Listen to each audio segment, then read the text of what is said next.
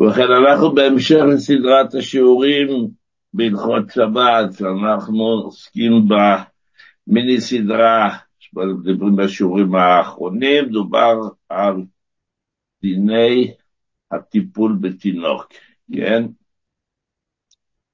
איך אנחנו מטפלים בו, איך אנחנו מכינים לו את האוכל ועוד כל מיני דברים שהתבררו בהמשך. ובשיעור הקודם דיברנו על הכנת כל מיני דייסות לתינוק, כן? איך מביא דווקא בביים, ומה אתה צריך לשנות באופן הערבוב ובאופן ה... וכו' וכו'. השיעור הקודם כדאי, כמו כל השיעורים, ללמוד אותו, לקרוא, לשמוע אותו, להאזין, לצפות בשביל צופה. ולראות ולדעת מה ואיך אנחנו מכינים דייסה לתינוק במידת הצורך. אם אנחנו ההורים או המטפלים, הסבא והסבתא שהשאיר לנו את התינוקות, ואנחנו מנסים לעזור, ונמצאים בשבת אצלנו, איך אנחנו מסתדרים. השיעור הקודם אנחנו נתחיל לדבר על הכנת מיני דגנים, תינוקות כבר גדולים יותר, הם כבר לא זקוקים לדייסות, אבל עושים את מה שקוראים להם קורנפלקס, או במקומות מסוימים כזה סיריול, כל מיני דגנים, דגני בוקר, שמערבבים אותם עם משקה, משקה קר, משקה חם, כפי שנראה בהמשך, וכמובן צריך לדעת האם ומהם המגבלות, איך אנחנו עושים את זה בשבת, מבלי להיכשל חס ושלום. אז יש כזה סוגים שונים. יש סוגים שהם בכלל לא עברו תהליך של בישול, כמו גרנולה וכל מיני אורז אפוי, כן, כיוצא בזה. ויש סוגים שכן עברו כבר תהליך בישול חלקי, בישול מלא, יש תהליך, עברו רק תהליך של אפייה, איך אנחנו מפגישים את המשקיע הקר או החם, מבלי להיקשר לחילול שבת, ועד הרבה לקדש את השבת ולקיים את הלכותיו, ולהביא את הגאולה האמיתית והשלמה בקרוב ממש. אז נתחיל ככה, אם מדובר בדגנים שעברו כבר תהליך בישול גמור, כל מיני סוגי הדגני בוקר, הקורנפלקסים, הסיריול, סיידה שכבר עברו תהליך של בישול, ואחרי כן זה יובש, אם זה מאפשרים את זה באמצעות חום, באמצעות אוויר, כאן לא משנה איך. הסוג הזה, אין בו בעיה של בישול, מכיוון שאין בישול אחר בישול, נכון?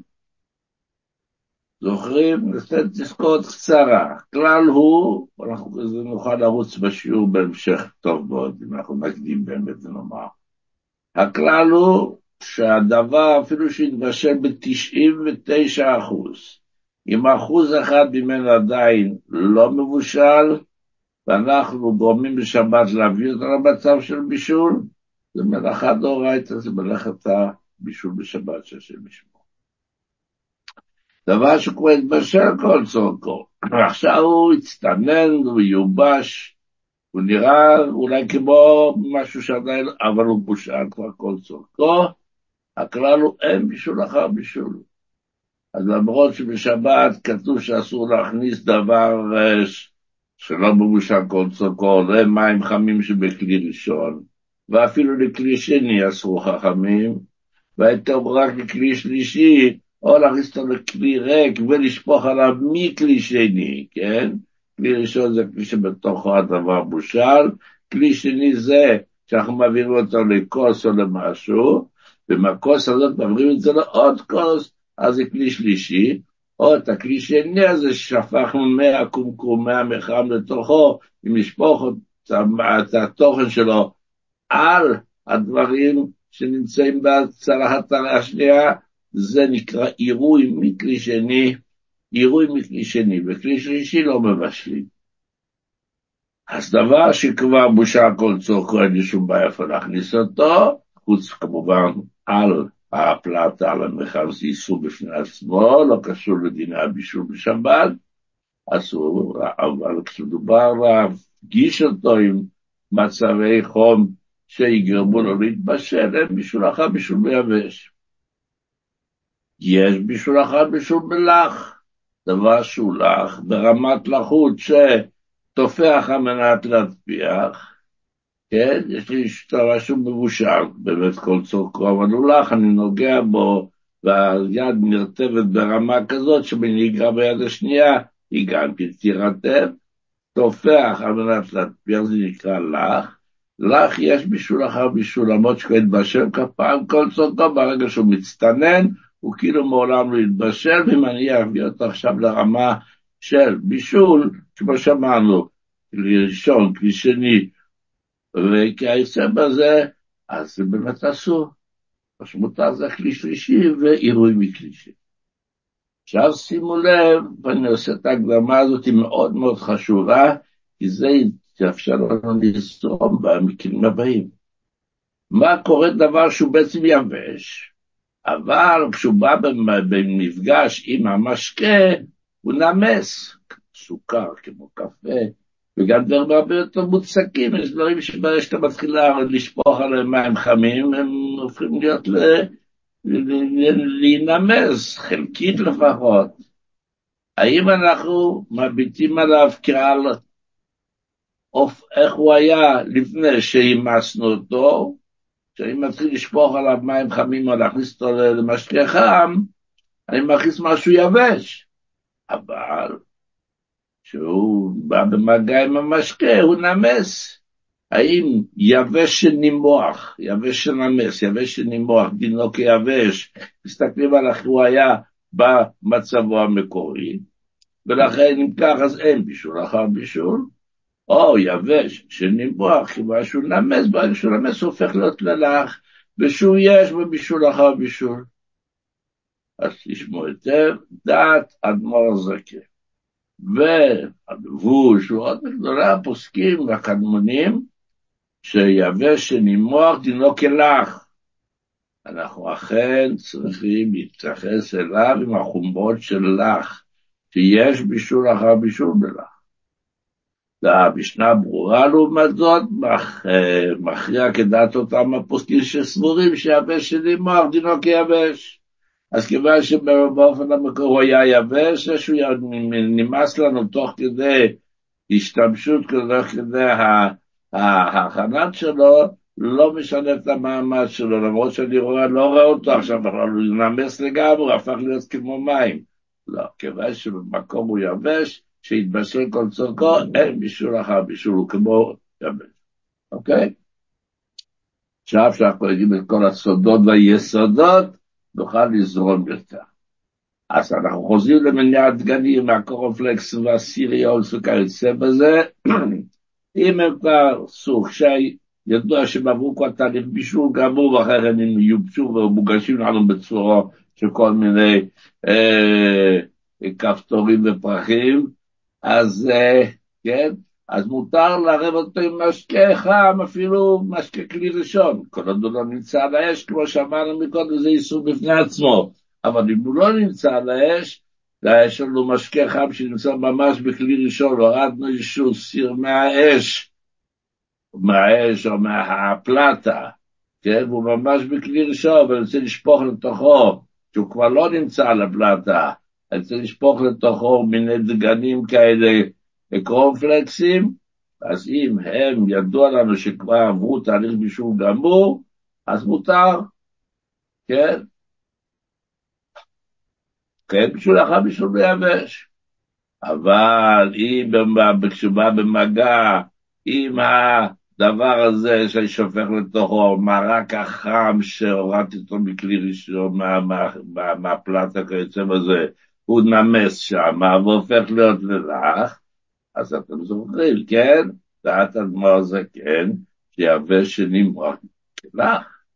כשהוא נמס הוא מקבל דין של לך שיש בו מישהו לחם.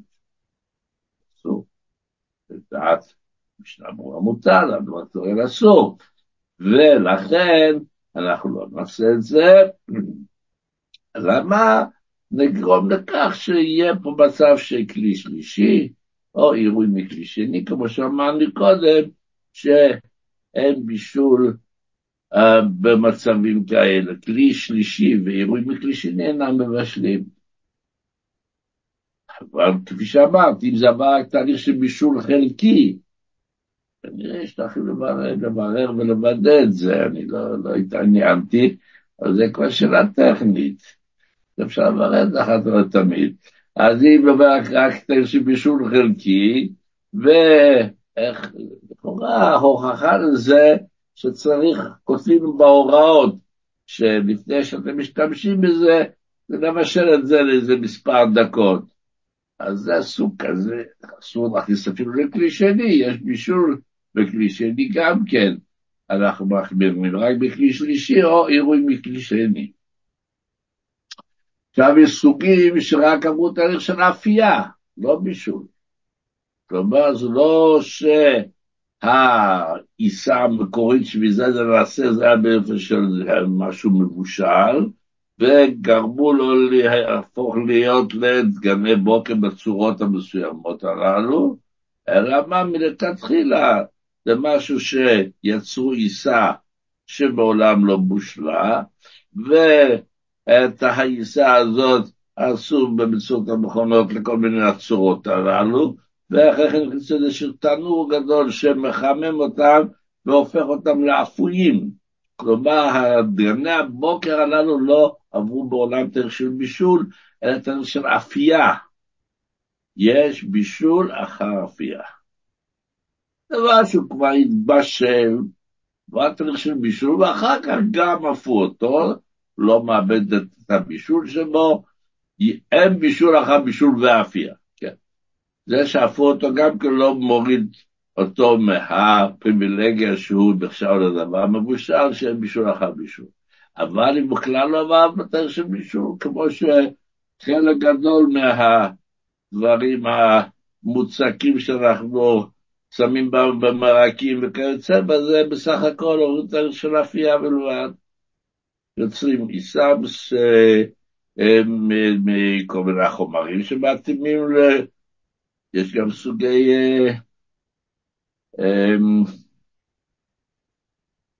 שקדי מרק, אני כותב בספר, שקדי מרק יש שתי סוגים, יש סוג של שקדי מרק שעובר תהליך בישול על שמן רותח, זה נשפך, הדברים האלה נשפכים לתוך שמן רותח וככה הם הופכים להיות לשקדי מרק, ויש איזה, זה נכנס לתנור שהחום של התנור עושה אותו. וזה הבדל גדול אם מותר לשים אותם לתוך מרק חם, כל עוד הוא לא נמצא בכלי שלישי או עירוי מכלי שני. יש בישול אחר אפייה, ואין בישול אחר בישול ואפייה. אז שוב אני אומר, כל סגני הבוקר האלה צריכים לקבל את המידע המתאים כדי לדעת איך להתנהג כלפיו. אם הוא מבושל כל צורכו והוא יבש, אין בישול אחר בישול ויבש. אם הוא נמס, אני מחלוקת במילה אז מה זה כן שעושה, אז מתירים. אם זה דבר שרק עברת של אפייה, יש בשביל אפייה, אז צריך לעשות אותה דווקא לכלי שלישי או עירוי מכלי שני. עכשיו, בנוסף לדיני הבישול, צריך לשים לב לעוד איסורי שבת שייתכנו במאכלים הללו. זה פשוט לא יאומן. איזו פעולה סטנדרטית ורגילה שבכל, כמעט בכל בית שני בישראל נעשה בשיא ההיסח הדעת, מה, מה אני עושה פה בכלל? אני מכין פה את הדגני הבוקר, כמו כל בוקר ילדים שלי אוכלים את זה, לא? ולא, אני אפילו הווה מינא באיזה סוגי מלאכות שבת זה יכול לגעת. אלא אם כן, אני לומד הלכות שבת ומקשיב לשיעורים, כן? אז זה מה שכבר דובר המון פעמים, והאדמו"ר זקן כותב, ואת הפוסקים כאן בונים שכתבו לאדמו"ר זקן כותבים, שחוסר ידע בהלכות שבת, אין מצב שחס וחלילה אדם לא ייכשל. פשוט לא עולה בדעתו, יש פה בעיה. אז תראו, אנחנו נגענו בדגני הבוקר והקורפלקס בסירות בענייני הבישול. שימו לב לעוד בעיות. יש מלאכה שקוראים לה מלאכת הלישה בשבת הלש. אז כתוב ככה, מה זה הלש? אתה גורם לדברים שהם בתבזורת שיהפכו לגוש. זה לישה. אז יש לישה שעושים ממש לשים, יש דברים שבעצם הדבר שאני שופך אותם לתוך משקה, הוא מדביק אותם זה לזה, וזה גם כן נחשב לזה. אז לשים לב, יש כאלה סוגי דגרי באוקר שעשוי כמו פתיתים, כן? אתם מכירים את זה, אתם מכירים את זה יותר טוב ממני, אני מעולם, אולי מעולם לא אכלתי, אני לא יכול להגיד, אני פעם כן נכשלתי ואכלתי, אבל אני לא אוכל את הדברים האלה. אני בא מדור שלא הכירו את זה עדיין. על כל פנים, יש פתיתים כאלה שעושים כמו עלים כאלה, כמו פתיתים, כמו, כן? אז ככה, הסוג שעשוי כן פתיתים, שכאשר שופכים עליהם חלב, גם קר, לא קשור לחם. תזכרו, דיברנו עד עכשיו על בישול, עכשיו מדברים במלאכת הלש. מלאכת הלש, שוב אני אומר, זה לא רק ללוש בידיים. לגרום לכך שדברים שבתבזורת יהפכו, ידבקו זה לזה ויהפכו לגוש, זה גם נחשב חלש אם אנחנו עושים את זה. אז אם יש פליטיקאי הסיריוס האלה, עד גני בוקר של כן פליטים, ששופכים עליהם חלב, הם ממהרים להירמז ולהידבק זה לזה, אסור מן הדין לעשות את זה בשבת. אלא אם כן, אנחנו נמהר ונאכל את זה לפני שהם ידבקו, כן? אני שופך את החלב, ועוד לפני שזה נמס ומתחיל להידבק זה לזה, אני כבר אוכל, אוכל, אוכל, אוכל, אני גומר את זה לפני שהתהליך הזה מתרחש. אבל אם נותן לזה לשכב, ואני בינתיים עושה פה כל מיני פעולות, אני סתם עושה סקאפי ומחכה משהו, ובינתיים הדברים האלה מתחילים להירמס ולהפריש מתוכם את ההידבקות, והופכים להיות לגושים. לדעת שפה אנחנו חס וחלילה, חס וחלילה, זה מלאכת הרש. יכול להיות שנשים הרבה משקה באופן שכשזה ינמס, זה יהפוך רק, זה לא ידבק לזה כמו גוש, איזשהו מין בלילה רכה כזאת, אז אפשר להתיר בתנאים שדיברנו בשיעור הקודם. צריך לשנות את סדר הפגשת המשקים הפתיתים. זוכרים דיברנו, נשים בימות חול אנחנו רגילים שקודם שמים את הפתיתים ואחרי כן שופכים את החלב, עכשיו נעשה הפוך לשפוך קודם את החלב, ואחרי כן לשפוך לתוכו את הפתיתים. שוב, זה רק במקרה ולא יוצר גושים, רק יוצר מין בלילה רכה כזאת, מין דייסה רכה. טוב, על סוגי הפתיתים המנילים, אלה שלא מתדפקים זה לזה, כן? או סוגים כאלה שכבר עברו, אנחנו יודעים מתוך ידע שהגיע לידינו, שזה כבר עבר תהליך של אישה בתהליך יצירת הפתיתים, אז אין אישה אחר הנישה, אז זה יותר טוב המצב, כן? אז סוגי דגני בוקר, בדברים שעדיין לא נילושים, כמו שגרגירי אורס אפויים, אבל, כן, או גרנולה, כן, שהם לא עברו תהליך של אישה, נכון? הגרנולה לא עברה תהליך של אישה.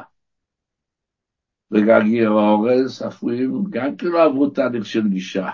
הם כבצורתם המקורית, רק הפכו אותם למתאימים לעשות באמת את, ה, את ה, ארוחת הבוקר שלנו. הגרונל עשויה משברי פירות, דגנים, אגוזים, כן, כמו כולם מכירים את זה. אז זה דברים שלא עברו את השנה של אישה. אז בזה צריך לעשות את כל, אם אנחנו מערבבים אותם משקה, באופן שלא נדבק, באופן שהופך לגוש, אם נדבק הופך לגוש, אין שום היתר. אם זה לא הופך לגוש, הופך להיות דייסה, אה, דלילה, אז צריך לשנות גם באופן הפגשת המשקה, עם ה... וגם באופן הערבוב, זוכרים מהשיעור הקודם? ומי שלא זוכר, יחזור על השיעור הקודם.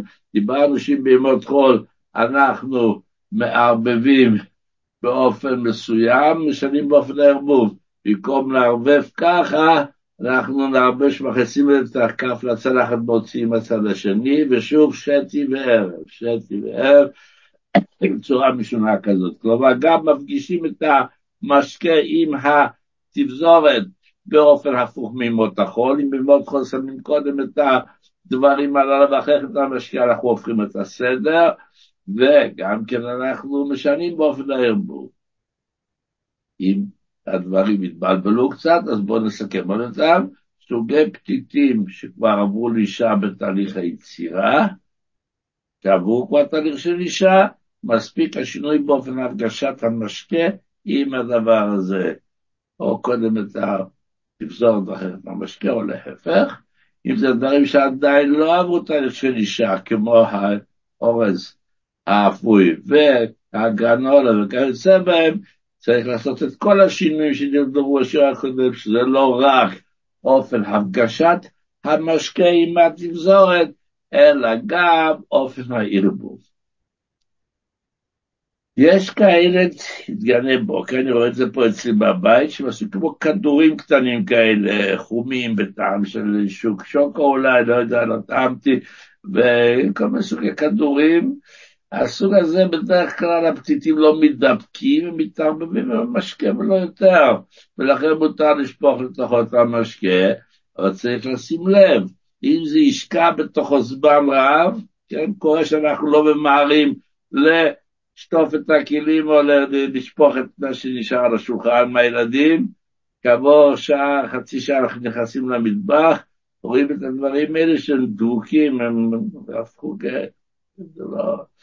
אם אוכלים את זה בצורה סטנדרטית, אתה לוקח את החלב, שהופך לתוכו את כדורי גני הבוקר הללו, ואתה אוכל אותם פחות או יותר אחרי השפירה, זה לא אמור להידבק, זה לא הסוג שנדבק מעצם הווייתו, אבל אם תיתן לו לשקף שם במשך זמן, אתה מגיע למטבח, אתה מוצא שהכל חתיכת דבק אחד, נכון? אז לשים לב, דיברנו מקודם, צריך לאכול את זה, או להספטר מזה לפני שזה קורה. מותר לשפוך, לשפוך את המשקה, אבל להיזהר שלא יפתוח המשקה זמן ממושך, ומתחיל להינמס, זה נעשה דביק ועלולים להידבק.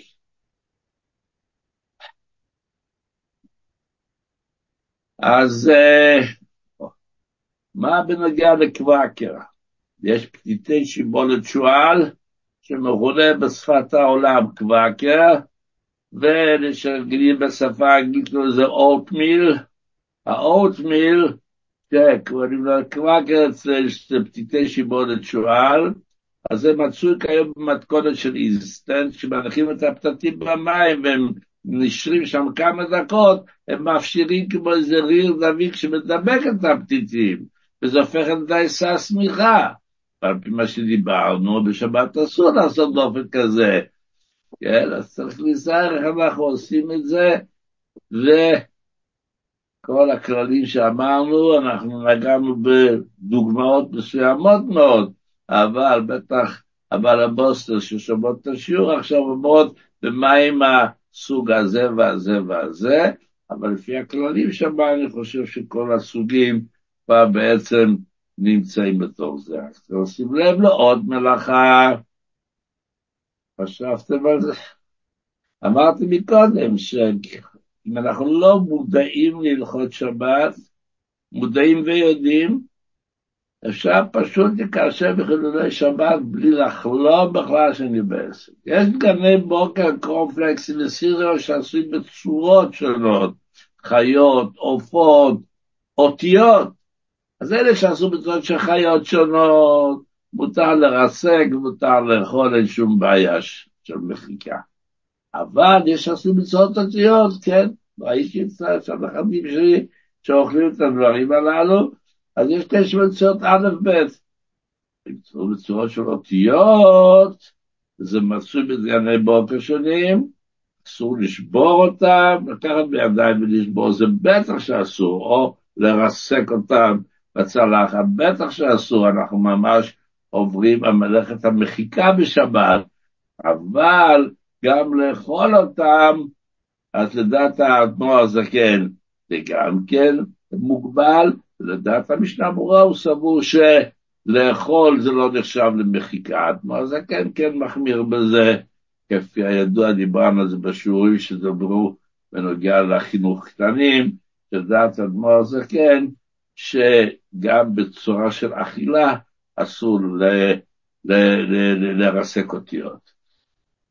אז תשומת לב, אז מה אמרנו? שבגני הבוקר עצמם יש בישול ויש לישה ויש, ויש מחיקה ויש השם ישמע שלא ניקשר.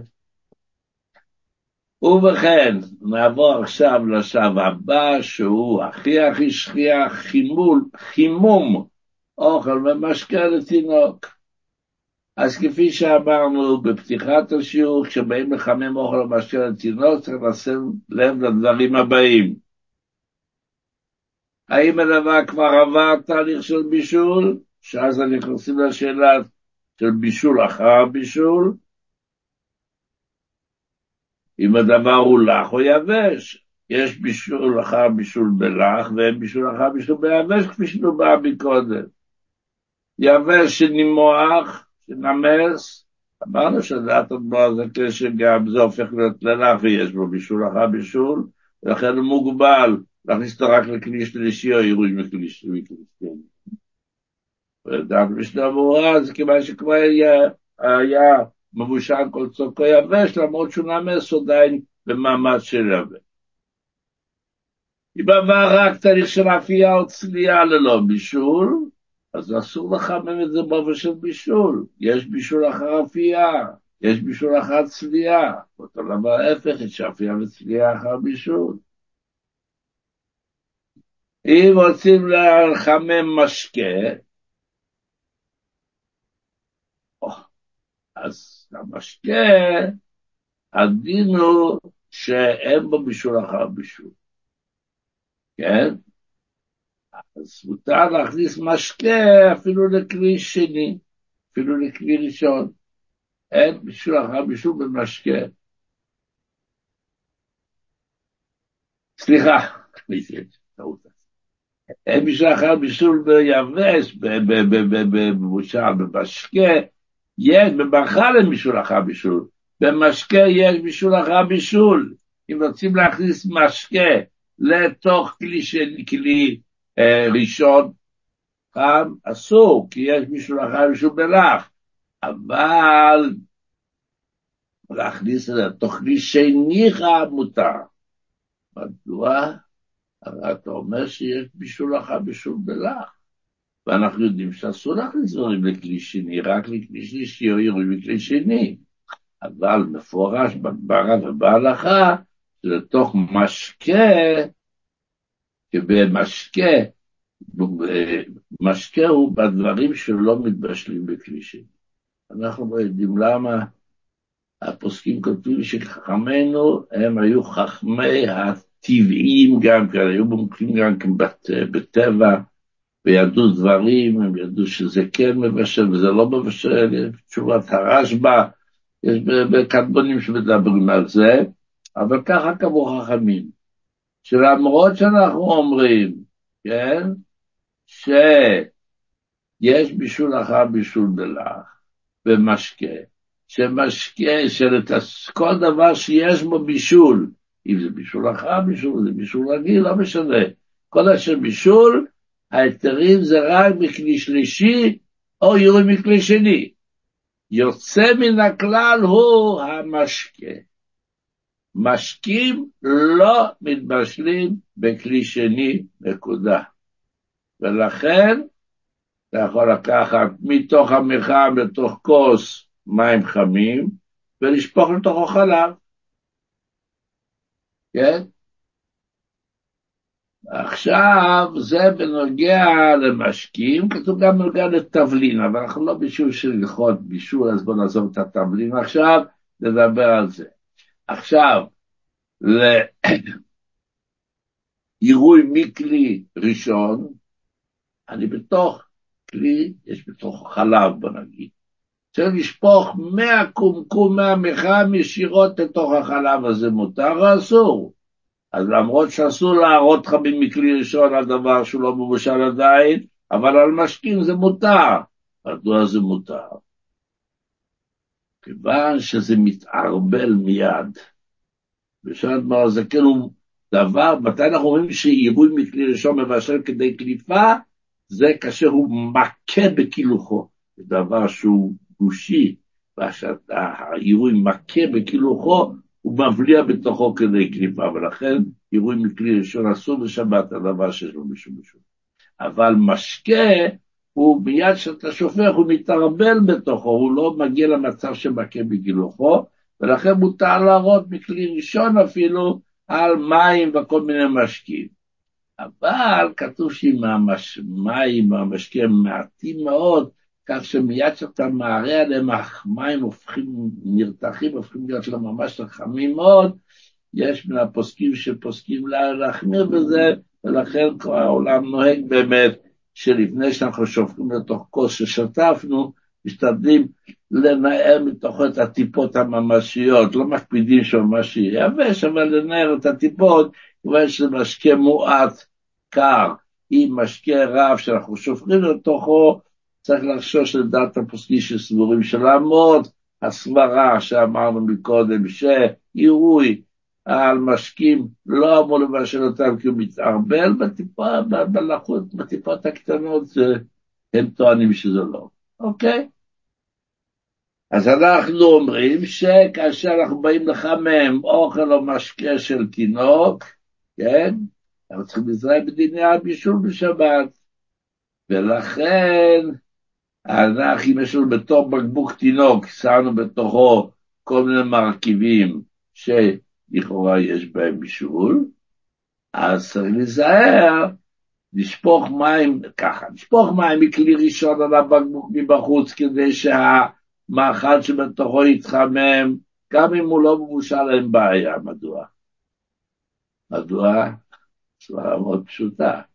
אנחנו יודעים שעירוי מבשל כמה כדי קליפה, נכון? עכשיו אם הדבר נמצא בתוך הבקבוק, אני שופך על דופן הבקבוק מבחוץ, הדופן של הבקבוק היא הקליפה.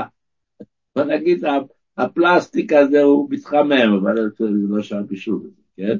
אבל המאכל שבתוכו, זה שם כבר לא מגיע, דבר שמבשל. עירוי מבשל כדי קליפה, אבל דפנות הבקבוק, הדפנות הכלי שבתוכו נמצא, מאכל או משקה, הם, הדפנות האלה הם אלה שקולטות את הקליפה, את דאגת הבישול כדי קליפה, החום שמגיע פנימה אמנם מחמם את הדייסה, הופך אותה לטעימה ונגישה והתינוק יוכל לתת באהבה, אבל אני לא נכשלתי בשום בעיה של בישול. עכשיו, להכניס את ה... את, ה, את הבקבוק הזה לתוך כלי מים חמים, שלא מדובר בעירוי, אלא לתוך כלי ראשון אסירו, כי כלי ראשון מבשל לא רק כדי קליפה, הוא מבשל גם כן פנימה יותר. אז אם אני אקח איזשהו מיחם שהיה, או איזשהו כלי אחר שעל האש, או על הפלטה, שבתוכו נמצא משקה חם, ואני אשקיע בתוכו את בקבוק התינוק, חס וחלילה, למרות שזה כבר הורדתי אותו באש, אבל זה חום של כלי ראשון, שהוא מבשל, אסור, אבל להשקיע אותו בתוך כלי שני שבתוכו מים חמים, אם זה רק עד לקצה וזה לא מכסה אותו מלמעלה, אין בעיה, כי כלי שני לא אמור לבשל אותו, רק לחמם אותו, וככה דינקתי תמיד, הייתי צריך בלילות שבת להכין לילדים את ה... לתינוקות את הדייסות, את הדברים שלהם ש... אה, שהיה בהם משום בשבת, והייתי לוקח ספל, ממלא אותו במים חמים מים חם, שם את הבקבוק לתוכו, נותן לו להתחמם קצת, אבל מוציא אותו, מנער אותו קצת כדי שהחום יתרבה ושוב שם אותו, הופך את זה כמה פעמים וזה מגיע ממש לרמת חיבור נהדרת והילדים היו מאוד נהנים ושמחים עם זה. כן, צריך לשים לב, להשקיע את הבקבוק תינוק הזה שסגרתי אותו היטב בתוך מים חמים ובאופן שיכסה אותו, מלמעלה יש פה בעיה של הטמנה, זה לא, אבל עד, לה, עד לדפנות, עד לקצה הדפנות, אפשר לשים אותו בכלי שני, לא בכלי ראשון חס וחלילה, בכלי שני. האם מותר לקחת את, את האוכל המשקה של התינוק שהוא קר מדי, ולשים אותו ליד מקור חום שיחמם אותו? לא שופך אותו לתוך כלום, לא שופך לתוך כלום, פשוט לוקח את הכלי עם הדבר, שם אותו קרוב קרוב לפלטה, לא לפלטה, פלטה זה לא שייך, אבל משהו שיש מקור חום, למשל, יש, יש, יש איזשהו אש בשבת ש... שמחממת על הבלך. ו... שאסור לבשל, אבל אני אעמוד שם על המשמר וישמור שזה לא יתחמם ממש, שזה רק יפיג את הקרירות. אז כתוב שקצין לא להיכנס לזה, כי אפשר לשכוח, אבל אם אתה עומד ממש על המשמר שם ושם שלא יתחמם מעבר ליפיק צנעתו, להגיע לפתור ממש, אז זה מותר. מה בנוגע לצנן אוכל? יש לו אוכל רותח חם מדי, תינוק בוחר רוצה לאכול, אבל אי אפשר ככה, צריך לחכה, סבלנות, צריך להתקרר קצת, אי אפשר לאכול את זה חם כל כך. אז גם פה צריך לדעת איך אנחנו נעשה את זה בשבת בלי להיקשר בחילול שבת. אם מדובר באוכל חם, ואני רוצה לשים אותו במים קרים, את הכלי, את ה... ככל שאתה האוכל החם, רוצה להשקיע אותו במים קרים שיקררו אותו. אז אם הוא חם יד צולדת הזו, הוא עדיין בכלי ראשון, כמו סיר דייסה וכיוצא בזה, אסור לשים אותו במים קרים. ובשביל שאתה מבשל את המים. אבל אם האוכל המשקה החם, העברנו אותו מהכלי שהתבשל לבקבוק תינוק, וכיוצא בזה, שזה הופך כבר לכלי שני, מותר לשים אותו בתוך מים קרים. אתה יכול לקחת את הבקבוק להעביר אותו, להעביר את הדבר החם מהכלי ראשון לכלי שני, ואז לשים אותו בתוך מים קרים ולקרר אותו. מה בגלל לשטוף את הכלי שבתוכו המאכל החם, אז להשקיע בכלי ראשון, אבל לשטוף את הכלי שבתוכו המאכל החם, אם ברור שהמים רק יחלפו וישטפו וילכו הלאה, אז מותר, כמו שהמים לא מתעכבים בדופני הכלי, אין בעיה, אבל אם מדובר על כלים חריצים וכל מיני דברים שייתכן ששם מים שאני שופך ישכנו שם, יישארו שם, ואז שם עלולים להתחמם, אז אסור. ולכן כתוב שלשטוף מאכל שהוא בעצמו חם מדי. יש לי תפוח אדמה חם, אני רוצה לקרר אותו, או ביצה חמה, אני רוצה לתת לתינוק, רוצה לשטוף אותו מתחת לברז. אז אתה רוצה לשטוף את הביצה החמה מתחת לברז, זה תלוי. אם זה, אתה מוציא אותו מכלי ראשון לשפוך עליו מים צוללים, כיוון שהמים עשויים לשהות בסדקים של המאכל, ומה שיישאר שם בסדר ויתחמם מחום המאכל, כי המאכל הזה הוצאת אותו מכלי ראשון. אבל אם אין בו צדקים, ביצה חמה בקליפתה שלו נסדקה, מותר לשתות. חתיכת בשר, לא. כי בבשר יש כל מיני קני שבפנים כל מיני אה, אה, מצבים ששם ייתכן שיתעכב איזשהו קצת מים, ואז הם יתחממו מהחום של התפשיל שהוצאת מהציר. לקחת את הכלי החם שנמצא בכלי, ולשים אותו בכלים צוננים, אז שוב, תמיד צריך לשים לב מה קורה פה, אני בכלי שני, בכלי שלישי, בכלי ראשון, והדברים האלה תמיד צריך לקחת להם תשומת לב. אני רק רוצה לומר עוד פרט אחד לפני שאנחנו נסיים, ויישאר לנו עוד שיר אחד בדיני הכנת אה, הטיפול בתינוק, מה בנוגע להפשרת אוכל ומשקה קפואים. תינוק רוצה לאכול, האוכל נמצא במקפיא, אני רוצה להעמיס אותו, הפוסקים נחלקו אם מותר להניח מחר משקה קפוא כנגד בשמש או כנגד מדורה במקום שהוא לא יכול להגיע עד ליד סולדת בו, הכרעה למעשה שנוהגים להחמיר, אבל לצורך תינוק, אם חשוב שזה יופשר בהקדם, אין לנו זמן לחכות שיופשר בדרכים אחרות, אז כתוב בפוסקים שמות. אז שיעור הבא יעסוק בדיני סינון מאכלים ומשקיעים לתינוק, סחיטת פרי לצורך התינוק, רחצה וניקוי התינוק, ועוד כמה דברים טובים, אבל אנחנו יודעים שאת השיעור הבא, משיח צדקנו בעזרת השם ימסור, ובא שנזכה לגאולה אמיתית ושלמה, אמן ואמן.